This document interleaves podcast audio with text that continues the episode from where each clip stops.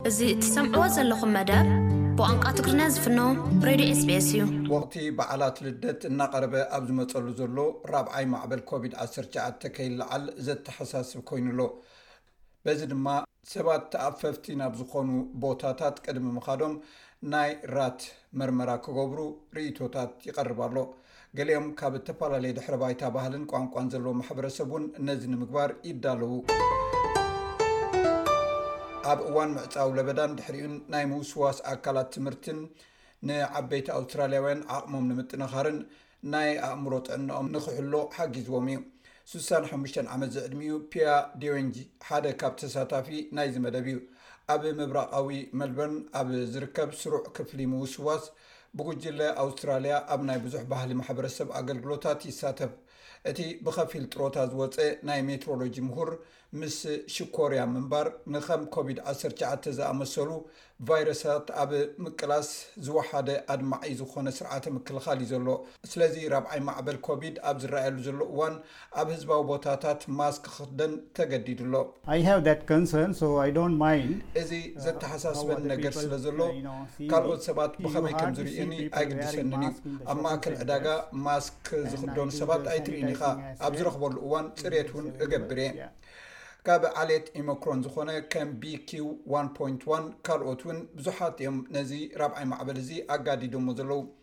ተማራመርቲ ስነ ፍልጠት ቫይረስ ካብ ትካል ምርምር ሲድኒ ከርቢ እቲ ዓሌታት ቫይረስ እቲ ናይ ምክልኻል ዓቕሚ ሰውነት ዝፅንቁቑ ምዃኖም ይገልፁ ኣብ ትካል ምርምር ከርቢ ኣሶሸት ፕሮፌሰር ስቲዋርት ትሩቪል ሕማማት ከምቲ ቅድሚ ሕጂ ዝነበሮ ዓይነት ከቢድ ከይከውን ይኽእል ይብል ኮይኑ ግና ቀልጢፉ ለውጢ ክህሉ ከም ዝኽእል ክንርስዕ ከም ዘይብልና ይመስለኒ ነዚ ድማ ኣብ ኢሚክሮን ዓሚር ኢና ኢና ኣብ ፅቡቅ ኩነታት ኢና ዘለና ዝሓለፈ ዓመት ግን ምስ ደልታ ዝተተሓሓዘ ኢና ኣብ ፅቡቕ ኩነታት ነይርና። ኣታጊ ናይ ኣውስትራሊያ ቴክኒካዊ ኣማኻሪ ጉጅለ ንሕማም መከላኸሊ ክታበት ፌደራል መንግስቲ ምኽሪ ዝህብ ትካል እዩ። ንሓምሻይ ግዜ ናይ ኮቪድ ክታበት ክወሃብ ገና መምርሒ ኣይሃበን ዘሎ። ክሳብ ሕጂ ድማ እቶም ነዚ ክወስቱ ዝኽእሉ ዓሰርተ ሽዱሽተ ዓመትን ልዕሊኡን ዝኾኑ ሰባት ጥራይ እዮም።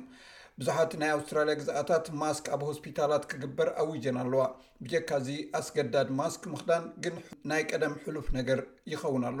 ስለዚ ናብ ወቕቲ በዓላት ኣብ ነምርሓሉ ዘለና እዋን ምናዳ ከኣ ንሓደጋ ዝቃልዑ ሰባት ክኢላታት እንታይ ምኽሪ እዮም ዝህብዎም?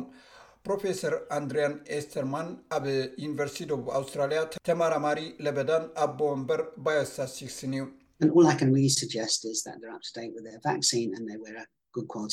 ክመኽሮ ዝኽእል ነገር እቲ እዋናዊ ክታቦቶም ምርካቦም ከረጋገፁ እዩ ናብ ናይ ስድራ ቤታት ምትእኽኻብ ክኸዱ ከለዉ ድማ ፅቡቕ ማስክ ክወድዩ ኣለዎም እቶም ኣዝዮም ተነቀፍቲ ዘይኮኑ መንእሰያት ኩሎም ቅድሚ በዓል ልደት ብራፒድ ኣንቲጅን መርመራ ክገብሩ ኣለዎም እዚ እንተወሓደ ንድሕነት ክከላኸል እዩ ምክትል ፕረዚደንት ናይ ማሕበር ሕክምና ኣውስትራልያ ዶክተር ዳንኤል ማክሙለን ቅድሚ ናይ በዓል ልደት ማሕበራዊ ምትእኻብ ናይ ራት መርመራታት ምግባር ትሰማማዕ ናብ መዕቆቢ ዓበይቲ ንዝመፁ በፃሕቲ ናይ ራት መርመራ ክምለሰሎም እውን ትምሕፀን and it would be a great idea to do a rat test before that visit just to make sure you're not bringing along COVID for that visit. ምብጻሕ ኣብ ተካየድሉ እዋን ኮቪድ ምሳኻ ተማሊእካ ከም ዘይመጻእካ ንምርግጋጽ ጥራይ ቅድሚ እቲ ምብጻሕ ናይ ራት መርመራ ምግባር ዓብዪ ቁም ነገር እዩ።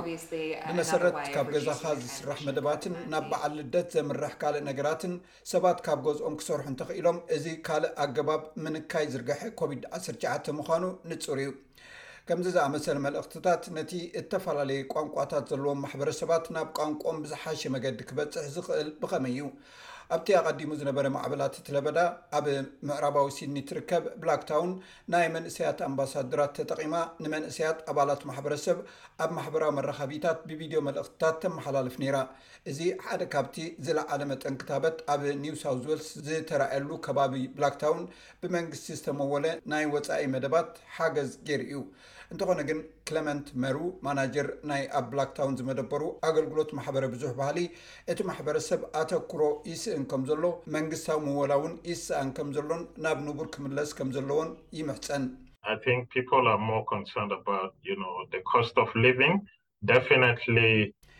ሰባት ብዛዕባ እቲ ዝረአ ዘሎ ክብሪ መነባብሮ እዮም ዝያዳ ዝግደሱ ዘለዉ። ምስቶም ንሰርሓሎም ከም ሱዳናውያንን ደቡብ ሱዳናውያንን ሓዊስካ ብዙሓት ባህልታት ማሕበረሰብ ደረጃ መረረታት ኣሎ።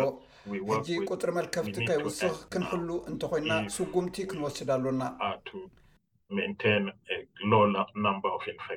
እዚ ሬድዮ ስፔስ ብቋንቋ ትግርኛ ዝፍኖ መደብ እዩ።